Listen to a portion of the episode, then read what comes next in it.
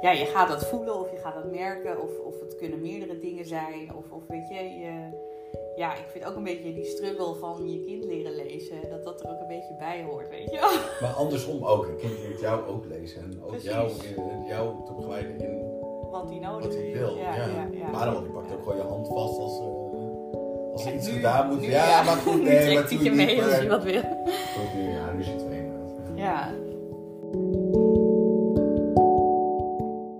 Ik heb zoiets van, al die boeken zijn misschien een beetje op vrouwen gericht, maar alle ja, zwangerschapsboeken of, of eh, boeken over het kind, dat is gewoon voor beide ouders in mijn ogen. Ja. Dus dat kan jij net zo goed lezen als je dat, Ja, maar, als je dat wil. maar jij geeft al die informatie aan mij. Nee, helemaal niet. Toen ons kind geboren was, had ik die informatie nog niet. Daar heb je de kraamzorg voor.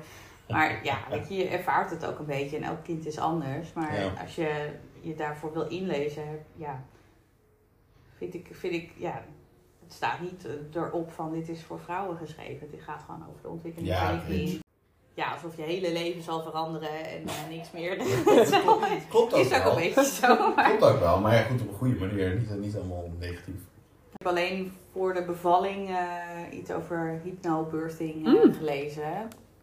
En dat, ehm, ja, dat vond ik wel fijn om te, te, te weten of zo. Of, of, eh, of, eh, het gaf me een beetje rust van, eh, nou ja, dat ik dacht van, ja, weet je, op die manier kan je de pijn verwerken en, en eh, ja, in jezelf keren. En, en, en dat heeft me toen wel een beetje geholpen. Ja. Ehm, Ik Maar we- dat minder ingelezen was. Ja, en we hadden wel ook voor jou een specifiek mannenboekje. En dat vond jij toen een beetje een flauw boekje. Maar die vond ik zelf wel heel grappig. Die heb ik ook gelezen. Ik vond hem wel leuk.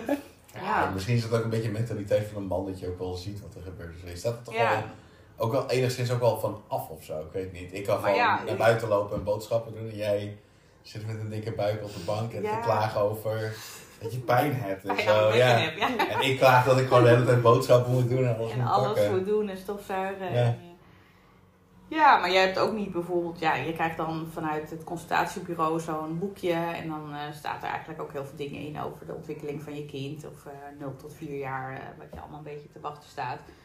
Maar ja, dat vind ik dan interessant om te lezen. Maar ik zie jou daar dan niet in lezen hoe dat zit. Jij denkt dat het komt gewoon Je bent wat het vrijer daarin. En dan misschien Nee, ja, misschien dat op, mijn, ja, misschien mijn insteek wel hoor. Ja.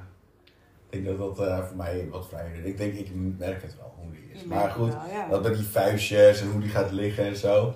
Klinkt wel heel herkenbaar inderdaad. Maar ik, heb, ik, kan niet, eh, ik kan niet zeggen van dat ik daar echt heel erg op gelet heb of zo. op een gegeven moment ook een eh, betaalde app gedownload. Dat je dan op zich je babytje kon opnemen, recorden.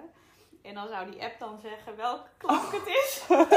En En dan zou dan dat? zijn, ja, het kindje is moe, moet naar bed toe. Of, eh, of, of, of ze heeft last van eh, krampjes. eh. Ja. En toen dacht ik van ja, dat... dat ja, ik vind dat dan... eh, ik snap dat iemand daar dan onderzoek naar heeft gedaan. En eh, ja, er zijn ook YouTube filmpjes over. Maar voor mijn gevoel ga je jezelf, je, je kind vanzelf lezen.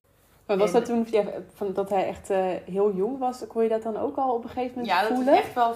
Of, eh, of die, die klanken zou je Ja? in principe vanaf eh, de kraamtijd al kunnen opvangen. En dat, dat zou dan van nature al een bepaalde sound moeten zijn dat zo'n kind produceert.